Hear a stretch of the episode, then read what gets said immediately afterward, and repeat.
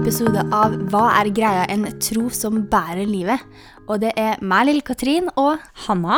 Og vi skal i dag snakke om tro og tvil. Det skal vi, og det gleder vi oss skikkelig til. Og det er jo litt ekstra gøy, for nå har vi jo holdt på et halvt år, så dette er liksom sesong to, føler vi litt, da. Og så har vi hatt en lang pause da, begge to. Eller vi har hatt en lang pause. Og eh, det er jo fordi at vi begge har eh, blitt smitta av eh, covid-19 og vært litt sjuke og sånn. Ja, jeg ble smitta i ca. midten av januar, og du var smitta forrige uke. Ja. Så det, hver gang vi skulle ha spilt inn podkast, så har vi basically måttet utsatt det pga. korona. korona. Men nå er vi her. Nå er vi her, og vi har skikkelig forventning til denne våren her.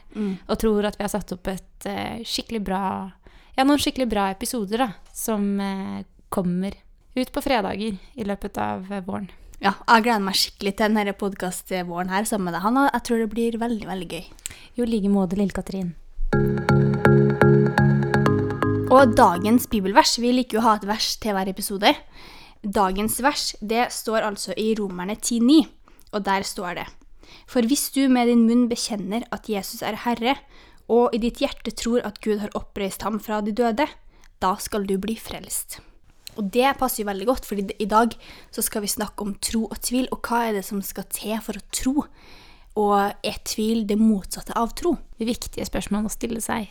Men før vi skal gjøre det, så eh, må vi jo nesten ta noen eh, fun facts. Så eh, hva er en fun fact om deg, lille Katrin? Jo, eh, nå skal du høre. Eh, jeg er veldig lite glad i sokker. Så hver gang jeg er hjemme, så går jeg stort sett barfots. Hvis jeg er bare hjemme hele dagen, så tar jeg aldri på meg sokker. Jeg synes Det er nesten som å ta på seg en sånn tvangstrøye om å ha på sokkene. Gøy. Og du, da?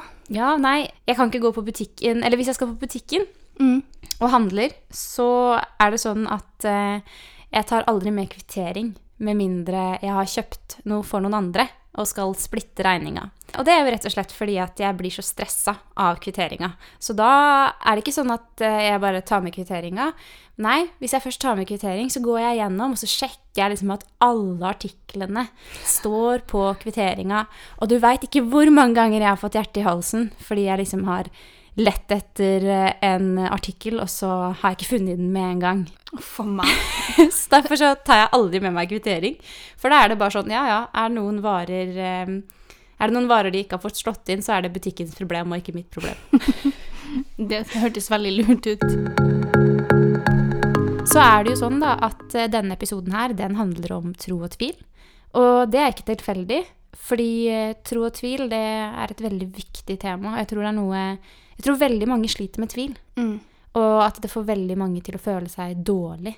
Og derfor så tror jeg det er et viktig tema å ta opp. Og vi har jo da satt sammen, eller vi har noen spørsmål som vi har tenkt å stille hverandre.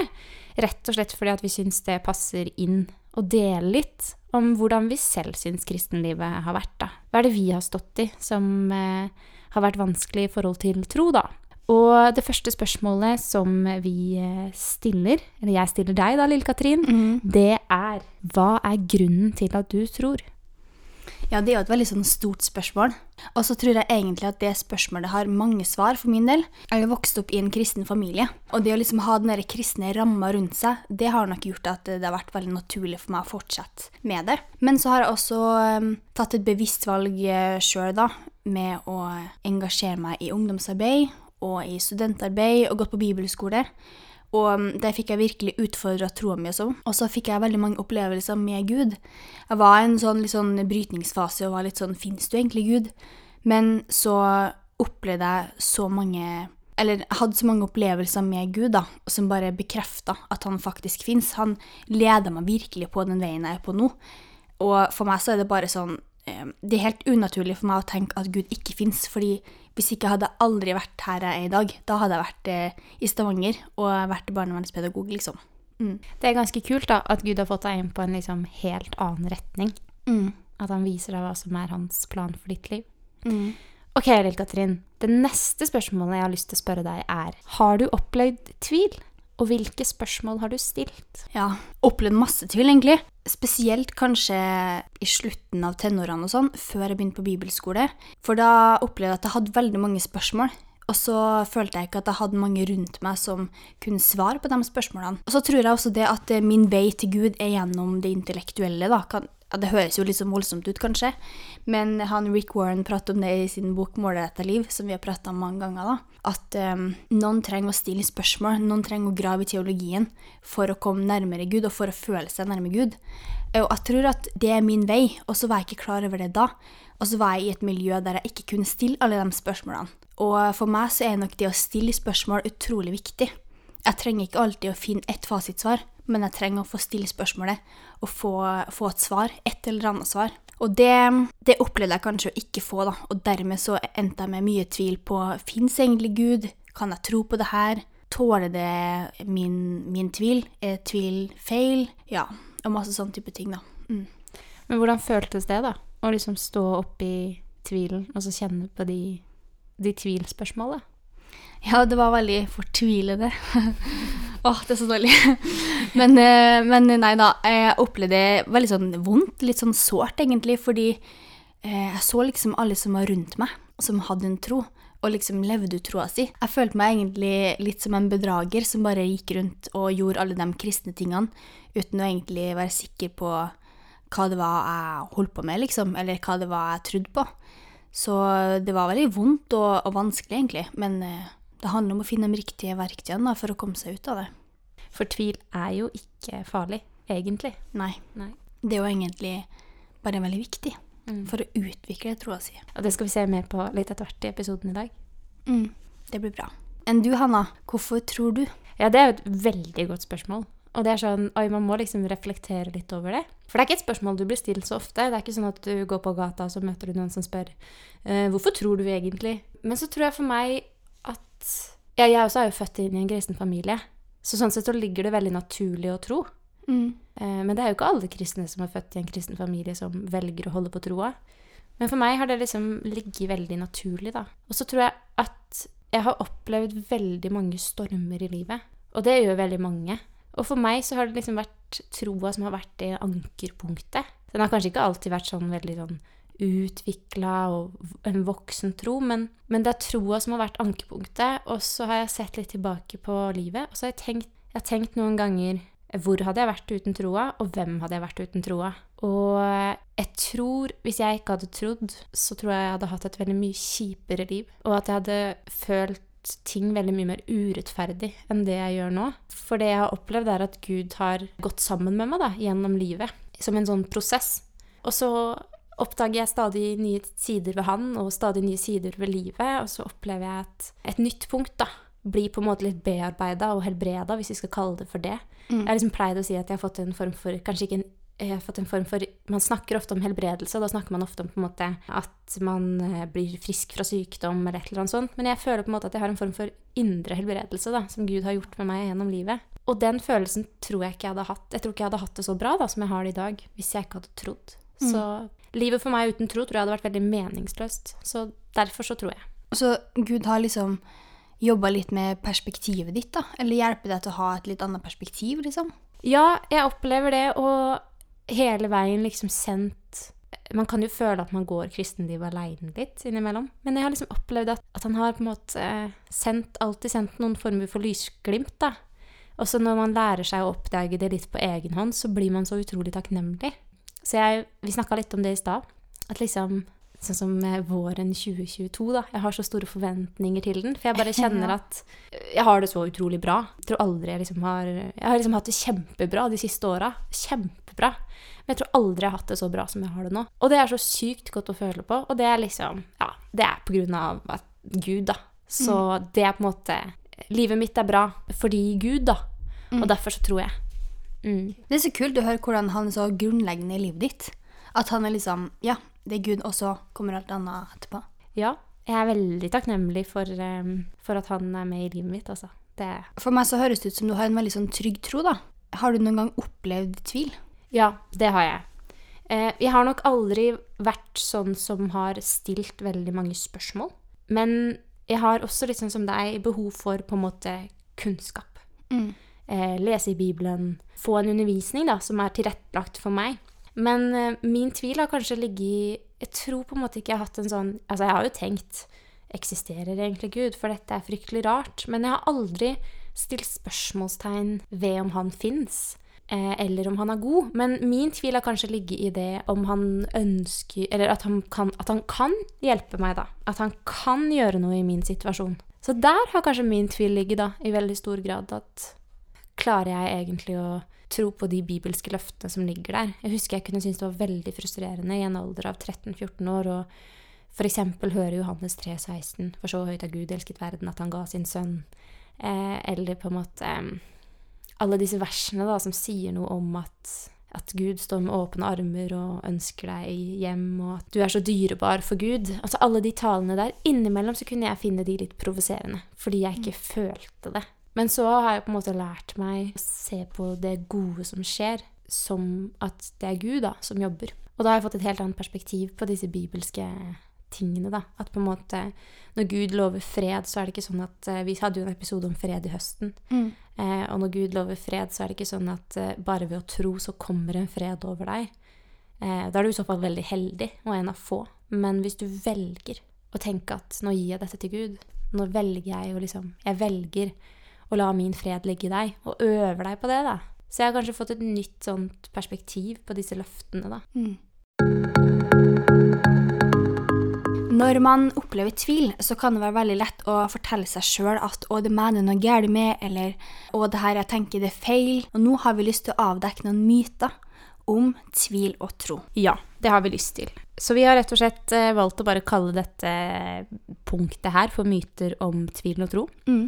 Og vi tror egentlig det er skikkelig, skikkelig viktig, fordi som vi sa litt innledningsvis, tvilen kan skape ganske mye feil eh, tanker, da i, i, i deg. Mm. Kan få deg til å føle deg ganske dritt og føle at du egentlig ikke mestrer kristenlivet. Så jeg kan si den uh, første Den første tenkt den første myten som vi liksom forteller oss selv, det er Tvil er farlig og gjør meg mindre kristen. Ja, og det er så sant det her med å føle seg mindre kristen. Fordi sånn som jeg sa, så når jeg opplevde tvil når jeg var litt yngre, så følte jeg meg som en bedrager. Gikk rundt og følte meg ikke kristen.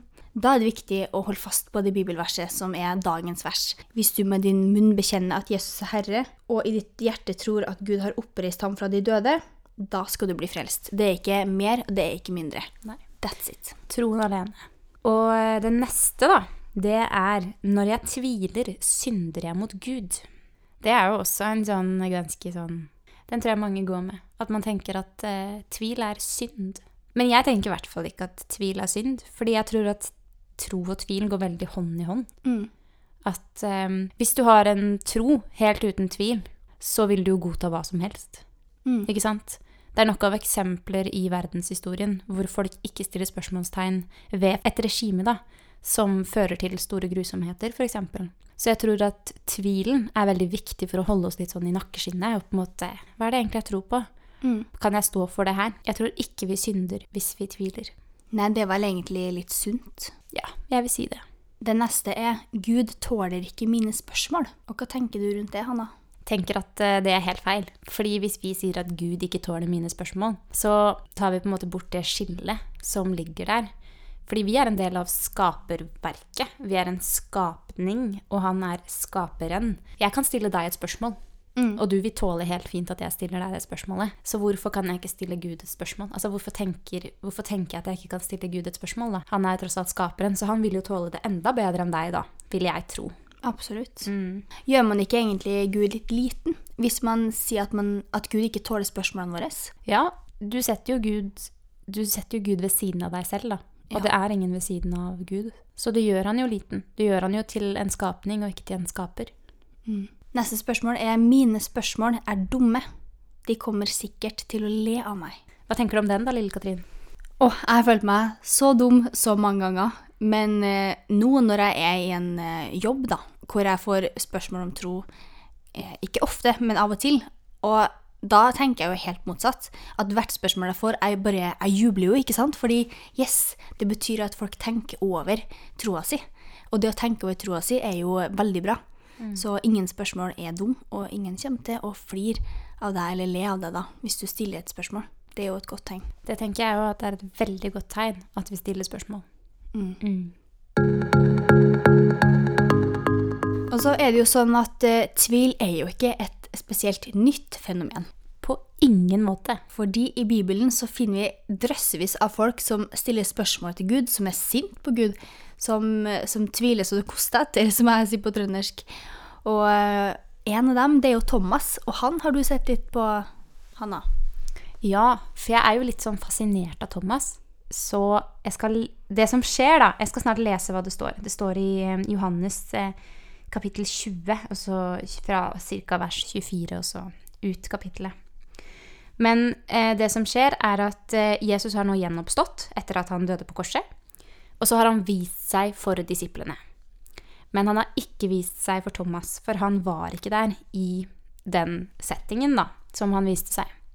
Og så kommer jo liksom de andre disiplene liksom sikkert løpende. ikke sant? 'Thomas, Thomas, vi har sett Jesus! Han har gjenoppstått!' Og så får de kanskje ikke helt den reaksjonen de håper på fra Thomas. Fordi Thomas han klarer liksom ikke helt å tro på det. Og så hører vi jo flere steder at eh, Jesus kan bli liksom litt sånn åh, Han kan si 'åh, dere er lite troende', ikke sant? Men så er det aldri heller sånn kjempe Altså, han kan si det som en form for frustrasjon, og for å rettlede.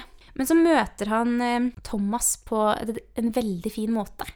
Som jeg har litt lyst til å, at vi skal se på nå. Så i Johannes evangelium kapittel 20, og fra vers 24, så står det Men Thomas, som ble kalt Dymus, og som var en av de tolv, var ikke sammen med dem da Jesus kom. De andre disiplene sa til ham, Vi har sett Herren. Men han sa til dem, Hvis jeg ikke får se merkene etter naglene i hendene hans, og får sette fingeren min i merkene etter naglene, og får legge hånden min i hans side, kan jeg slett ikke tro. Åtte dager senere var disiplene hans inne igjen, og Thomas var med dem. Jesus kom mens dørene var lukket, og sto midt iblant dem og sa, Fred være med dere. Deretter sier han til Thomas, Kom med fingeren din og se hendene mine, og kom med hånden din og legg den i min side. Vær ikke vantro, men troende. Thomas svarte og sa til ham, Min Herre og min Gud.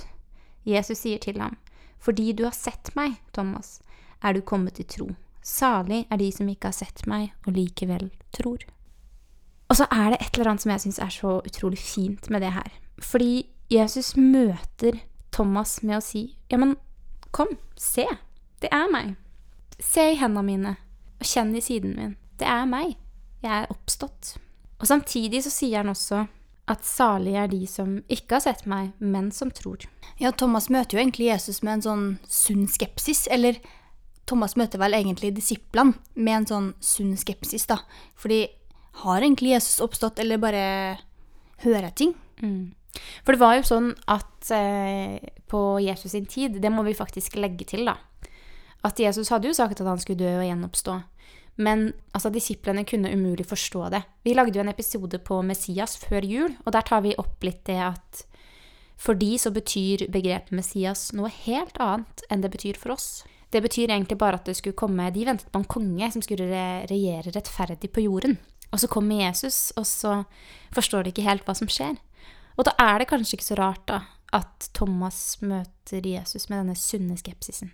Og det syns jeg har vært litt sånn jeg har vært litt sånn Hæ, hvorfor blir, ikke, hvorfor blir ikke Jesus irritert, liksom? Men så er det noe med det Jeg har lest litt i, i den uh, bibelkommentaren i bibelen min, og der står det det at uh, Thomas er faktisk den eneste av disiplene som eh, omtaler Jesus som Gud. Oi. Ja, og det synes jeg var, det har jeg aldri tenkt på før, men det var en ganske sånn spennende ting. Oi, han er den eneste som omtaler Jesus som Gud.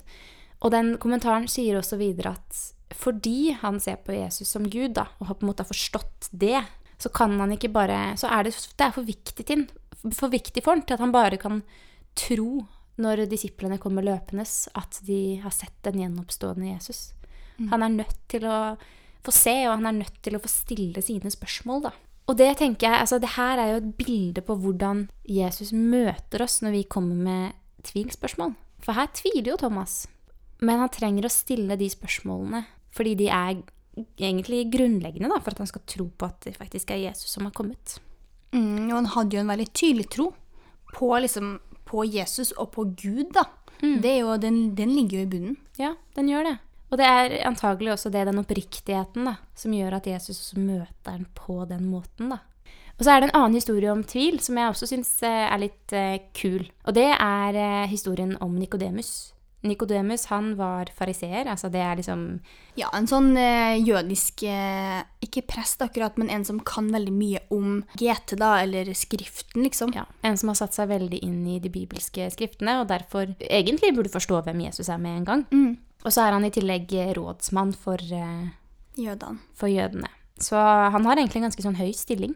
Mm. Og han kommer til Jesus og stille litt spørsmål. Og han, hans spørsmål går i Fordi Jesus snakker jo om dette her å bli født på nytt. Så hans spørsmål går veldig i det.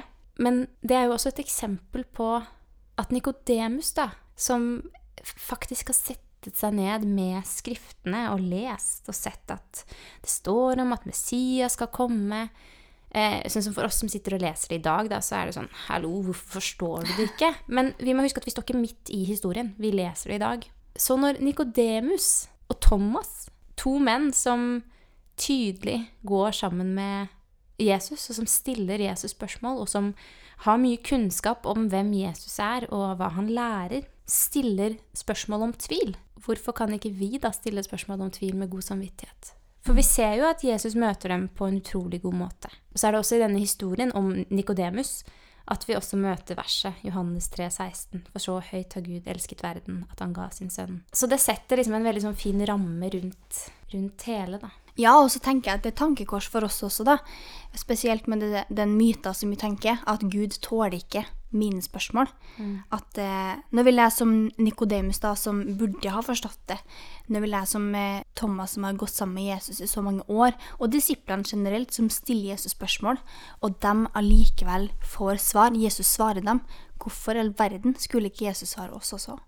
Ja, så jeg tror vi enkelt eh, og greit kan si at eh, det å tvile og ha behov for å stille spørsmål, det er ikke å synde. Og så må jeg bare si det at eh, hvis du syns dette var litt spennende, så anbefaler jeg deg egentlig å sette deg ned og lese disse historiene sjøl. Og liksom Åh, hva er det jeg tenker på når jeg leser det her? For det er noe med å lese det selv og få et eget perspektiv på det. Mm. Vi har faktisk laga en bibelleseplan til denne episoden her. Ja. Og der kan du lese de ulike bibelske figurene, og også Josef. Hvis du vil ha liksom enda mer dybde og enda mer fordypning, så kan du lese hele historien til Josef i Første Mosebok. Det anbefales. Stad så eh, var vi jo inne på dette punktet som eh, var myter om tvil og tro. Og nå skal vi inn på det punktet som vi har valgt å kalle for sannheter om tvil og tro. Og Lille Katrin, du har noen ganske sånne kule sannheter som du har funnet om tvil og tro. Ja, for jeg har en bok som heter Gud? spørsmålstegn av Timothy Keller. Han er en fantastisk eh, forfatter, og, jeg tror han er teolog eller noe sånt. Og han kan altså så mye, og han, han har gitt ut denne boka her for liksom unge, da. Og han har skrevet at eh, en tro uten tvilsforestillinger er som en menneskekropp uten antistoffer i seg. Og det syns jeg er så godt sagt. En tro uten tvilsforestillinger er som en kropp uten antistoffer. Altså når vi blir syke, ikke sant, så gjør det noe med oss, og så gjør det at kroppen utvikler antistoffer, sånn at neste gang så tåler vi den sykdommen bedre. Og det tenker jeg er veldig interessant at han eh, sammenligner da tvil med eh, de her antistoffene. At hvis vi opplever tvil i livene våre, da, eller stiller spørsmålstegn med noe, at det spørsmålet og det, den tvilen Hvis vi prøver å finne svaret på den og opplever at det er trosstyrkende, så vil det da neste gang det kommer et lignende spørsmål, så vil det gjøre at vi møter spørsmålet på en bedre måte, da. Så det blir jo egentlig litt sånn at um, Ja, som du sier, da, hvis du på en måte bygger riktig på tvilen, eller snur riktig på den, Mm. så vil tvilen være med på å styrke troen. Mm. Mm. Ja, for det er jo litt viktig poeng, eh, akkurat det du sier der, med hva er det du gjør med tvilen din? Ja, fordi hvis du bare lar tvilen gro, da, og ikke stiller de spørsmålene, fordi sånn som vi var inne på i stad, med um, Gud tåler ikke mine spørsmål, eller de kommer til å le av meg. Hvis du på en måte lar spørsmålene gro inni deg, og tvilen gro, så vil tvilen kanskje til slutt bli så mye større enn troa, da. Og så tror jeg absolutt at det går an å ha veldig, veldig, veldig mye tvil, og litt tro. Men du må på en måte bekjempe tvilen på et vis, da. Så du må, du må stille de spørsmålene for å gi troen grobunn. Men eh, du har jo en setning til som jeg også syns var veldig kul, så hvis du leser den nå Ja, og den har jeg funnet i en artikkel som heter 'Gud er her, og han har vist seg'. Og den er fra et, eh, et magasin eller et blad da, som heter Fast grunn. Og der står det 'Det er få kristne som går gjennom livet uten å tvile'. Enten er vi tvilere, eller så er vi potensielle tvilere. Svært få er immune. Det syns jeg er så fint. Enten så tviler vi, eller så er vi potensielle tvilere. Det sier noe om hvor naturlig tvilen egentlig er i vår tro, da. Ja, det gjør det. Og jeg syns jo den setningen der egentlig er den kuleste av de to. Og så syns jeg den, det er noe med den, den holder oss litt sånn i nakkeskinnet òg, fordi at den sier at enten så tviler vi, eller så er vi potensielle tvilere. Og jeg tenker at som menighet, da, så har vi et ansvar om på en måte ikke framstille kristenlivet som noe annet enn det er. Og vi har et ansvar når noen kommer med tvil, så har vi et ansvar om å faktisk ta den tvilen veldig seriøst, og la de få stille de spørsmålene som de lurer på. Og så ikke sånn på privaten liksom opphøye seg selv fordi at man tenker at ah, jeg har så lite tvil i mitt trosliv. Fordi det at du ikke tviler, betyr ikke at du har en spesielt sterk tro. For hvis du går gjennom hele livet da, og aldri møter på tvil, og så kommer du til et punkt i livet hvor du får en skikkelig troskrise, og så har du kanskje aldri jobba deg gjennom tvilspørsmål før, da, så tror jeg at Jeg tror ikke den troskrisa Vi ødelegger kristenlivet, eller på en måte vil gjøre slutt på kristenlivet, men jeg tror kanskje det kan være mye vanskeligere å gå videre i kristenlivet hvis det er første gang du møter på tvil, og du har vært kristen i 40-50 år, da, enn det ville vært hvis du hadde møtt på tvil jevnlig og så jobba med tvilen. Jeg har i hvert fall hørt historier om folk som har tvilt veldig mye, og så har de jobba seg gjennom spørsmåla, og så står de med en veldig sånn sterk og stabil tro, da. En sånn slitesterk tro. Og hele den podkasten her handler jo om liksom at vi skal få et sterkt og stabilt kristenliv, da. At det skal være det vi bygger livet vårt på, og ikke verden, på en måte. Ja, det heter jo en tro som bærer livet, eh, og den innebærer også tvil, da. Absolutt. Litt lenger ned i den samme artikkelen så står det at eh, spørsmålet som er nyttig, det er hva man gjør når man tviler. Det har vi jo stilt eh, nå, egentlig. Eh, og så sier han at uh, han som har skrevet artikkelen her, han sier det at eh, bønn er veldig viktig for å liksom komme ut av denne tvilen, eller troskrisa, eller hva man skal kalle det, da. At uh, be Gud, og hvis du ikke får svar, så fortsett å be. Fordi at på en eller annen måte så vil Gud svare, selv om han kanskje svarer på en annerledes måte enn det vi tenker, så vil Gud alltid svare. Han løfter rett og slett bare fram bønnen som den beste medisinen da, mot tvil. Og så skal vi bare fort liksom, si noen flere sånne sannheter om tvil. Det er en trygg og stabil tro vil ikke drive tvilen ut, men vil gjøre den mindre skremmende. Så det er liksom sånn, En trygg og stabil tro den vil ikke nødvendigvis fjerne tvilen. For tvil og tro går hånd i hånd, men den vil gjøre tvilen mindre skremmende. Og så er det tilbake til det her da, at troen alene er nok. Og det så vi jo i dette bibelverset fra romerne. At det handler kun om å tro. Og så er alt det andre egentlig litt sånn krydder oppå. Og så er det det her med at Gud tåler dine spørsmål. Og dine spørsmål er ikke dumme. Ingen kommer til å le av deg. Så det er liksom noen sånne viktige sannheter da, om tro og tvil. Nå har vi prata veldig mye om tro og tvil, og hva det kan gjøre med oss og sånn, men vi har også lyst til å komme med noen tips og råd og noen verktøy, kanskje, til hvordan man kan håndtere tvil på en god måte. Hanna, har du noen gode tips til oss? Først så vil jeg jo si det at um, Ja, som vi har sett på, da, at tvil det er jo absolutt ikke noe som er en trussel for tro. Og så er det sånn at jeg har lest en eh, Eller leser en bok som C.S. Lewis, det er han som har skrevet Narnia-historiene, har skrevet, som heter Om kjærlighet. Og der så snakker han om eh, likhet og nærhet til Gud. Og da snakker han om at likhet til Gud, det ligger i det at vi er skapt i Guds bilde. Altså vi er, vi er skapt med en hensikt, da. Gud ønsker et fellesskap med oss.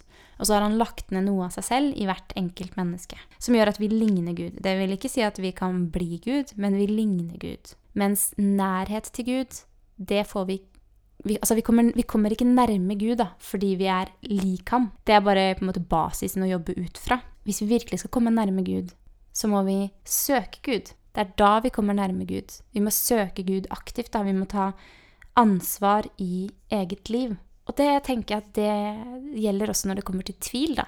At når du tviler, så still de spørsmåla, da. Snakk med noen. Fordi at eh, det kan føre til eh, mer tro, da. i ditt liv. Og så er det ei som heter Lisa Harper, som, eh, som du tipset om, som eh, driver en podkast. Og hun snakker også om det at liksom, man kan ha masse kunnskap om Gud, om Jesus, om Bibelen. Men det at man har kunnskap om Gud, er jo ikke altså, Det er på en måte litt i andre rekke, da. Det som er i første rekke, er faktisk det, akkurat som C.S. Louis sier, å søke Gud. Gå til Gud med problemene dine. Og så opplev, altså ta vare på erfaringene. Og så er på en måte kunnskapen det der ekstra krydderet, da. Men for sånn som deg og meg, da, så er jo på en måte dette her med å Vi syns jo det kan være kjempespennende og liksom åh, Så vi er så forskjellige hva som på en måte fører til tro, da. Mm. Men eh, det er i hvert fall liksom, noe jeg tenkte at det er en sånn fin innledning til det her med verktøy, da. Absolutt. Og det er så fint det du sier der med det å ære for Gud. At det er liksom det aller viktigste.